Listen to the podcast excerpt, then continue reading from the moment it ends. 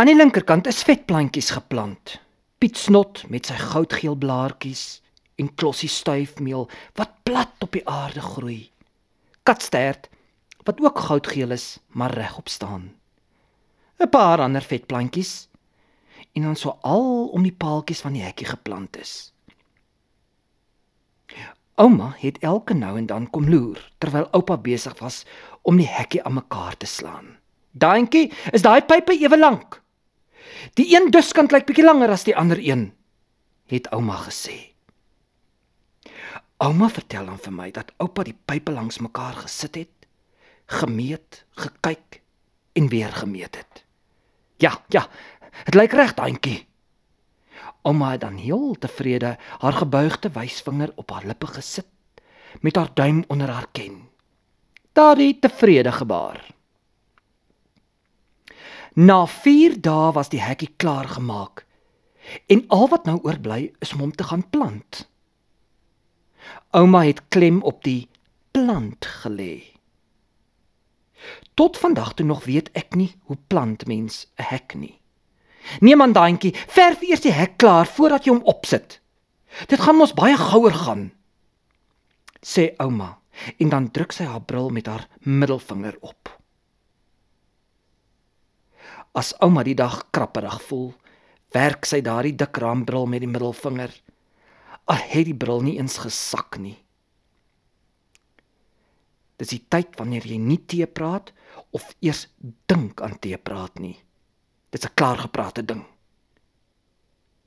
Wanneer sy goed bevoeter is, haal sy daardie dik rambril af, wasem hom so in haar mond op en vryf die lense blink met die soem van haar rok. "Wat se kleur?"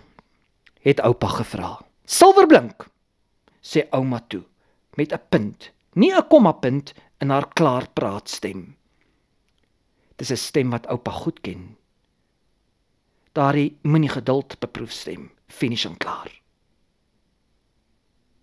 Oupa die volgende dag 'n blikkie silwer verf gebring in die hekkie van kroon tot toon blink geverf.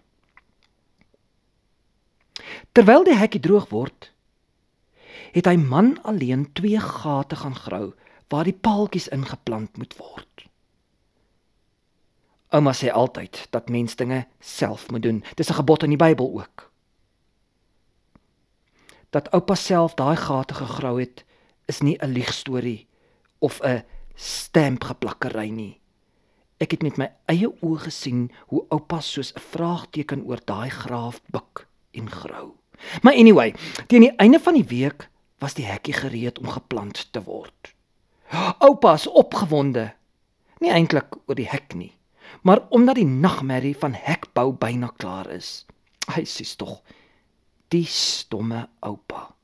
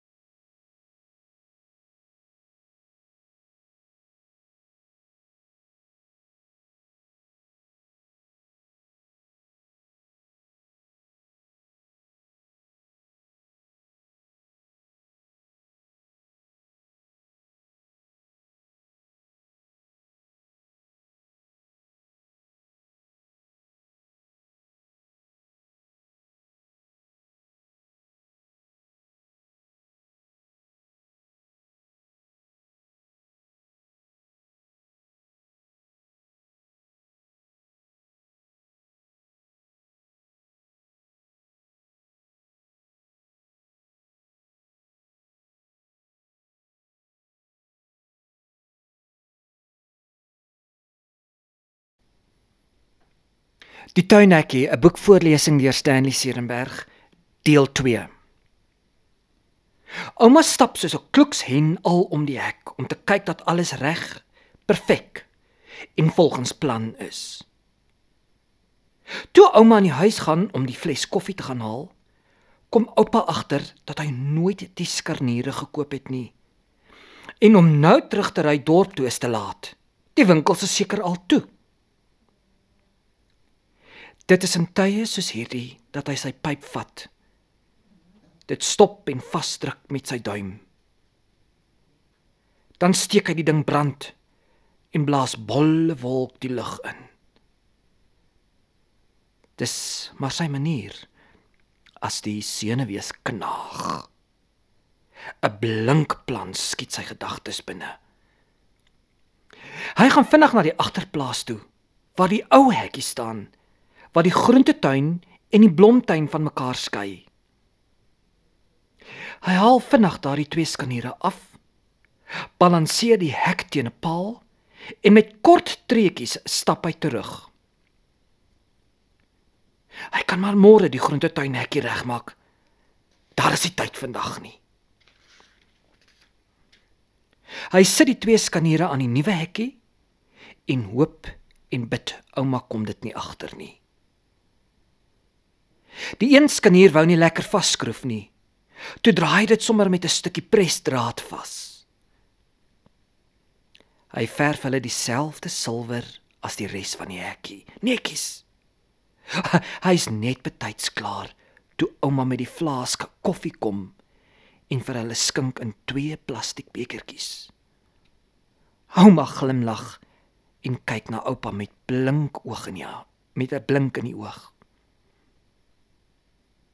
Toe ouma na die handvatsel van die hekkie mik om hom oop te maak, slaan 'n koue sweet op oupa se voorkop uit. Die kommer en vrees sit vlak in sy blou oë. En hy suig aan daardie pyp dat dit lyk soos 'n stoomlokomotief wat opdraande ry. Ouma stoot die hekkie oop en daar skreeu die ding soos 'n speenvark ter slagting. Oupa blaas rook soos 'n ou lokomotief wat bult op stoom en loer vir ouma so van onder af op. Ouma ruk haar kop een kant toe. Trek haar skouers op, druk haar bril met die middelvinger op. Al het die bril nie eens gesak nie en kyk vir oupa. Dis net die ene bril met middelvinger opdruk, bril afhaal, blaas, wasem skoonmaak met die rok se soem.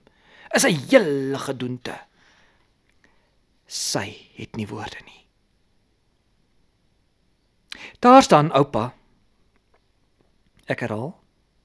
Daar staan ouma met hande in die sye en oupa wat rookbolle blaas op die sypaadjie en kyk vir die hekkie. Asof die hek homself nou moet antwoord gee. Nee, wat ou vrou. Dis net die eerste paar keer wat hulle so gaan raas.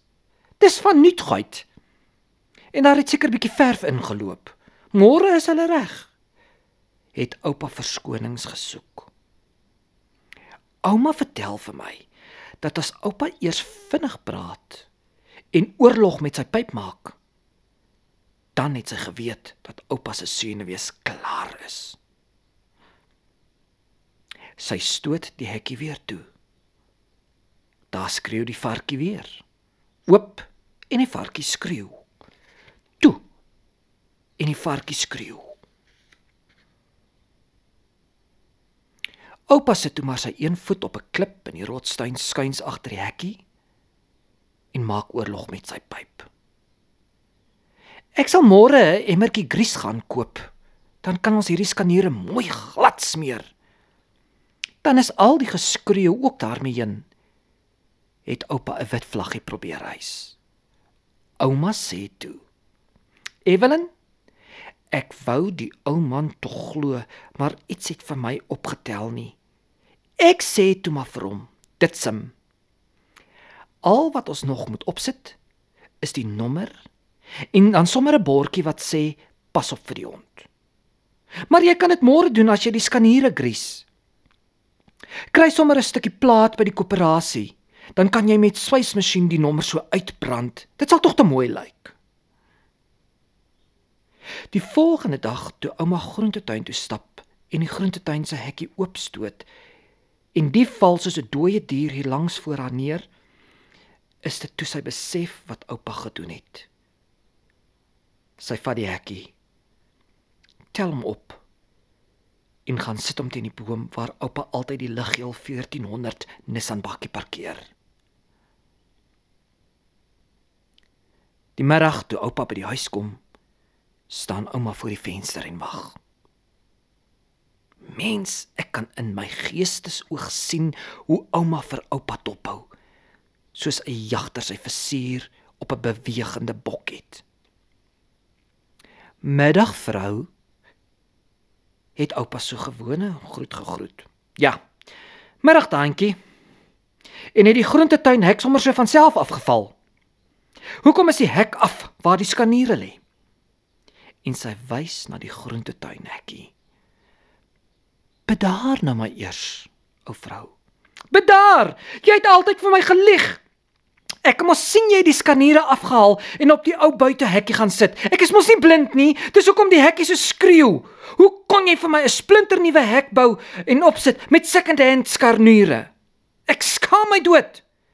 Het ouma gekwetter soos 'n voël wat net nie einde het nie. Oupa het glo maar net stil gebly. Die kombuisstoel uitgetrek en die plaaslike koerantjie nader getrek. Oupa se rustigheid het die kook in ouma se gemoed afgebring. Nou ja toe. Dit sal nou nie baat om daaroor te baklei nie. Dis gedane sake. Ek het in elk geval gewoond geraak aan die skreeuende skaniere. Hier is jou koffie. Ek watch vir jou daantjie. Dit is maar die bek van die hekkie. Hy waarsku my, ten minste wanneer iemand inkom, het ouma nou bedaard gesê. Toe hulle klaar koffie gedrink het, vat oupa die plaadjie met die huisnommer daarop, nommer 63 wat mooi uitgebrand is met die swysmasjien en hulle gaan maak dit in die middel van die hekkie vas. Is so mooi. Ouma het die gewoonte gehad om met haar voorarm so op die hekkie te rus met die kreun met die kroon so hitte dit naby aan haar borste.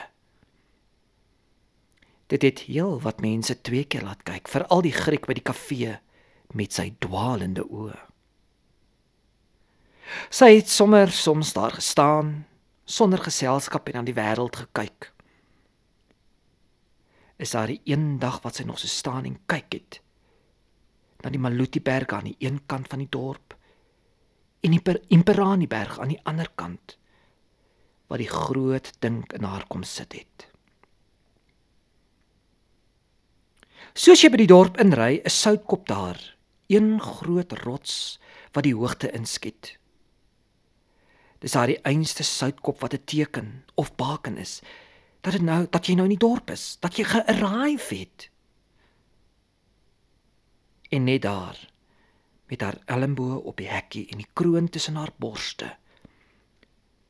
Be besluit sy dat hier 'n klip reg voor haar huis moet staan.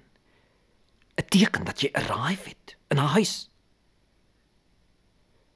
Dit was begin Desember en sy het dadelik na oupa toe geloop en hom gevra om 'n klip te gaan haal wat buite die dorp is.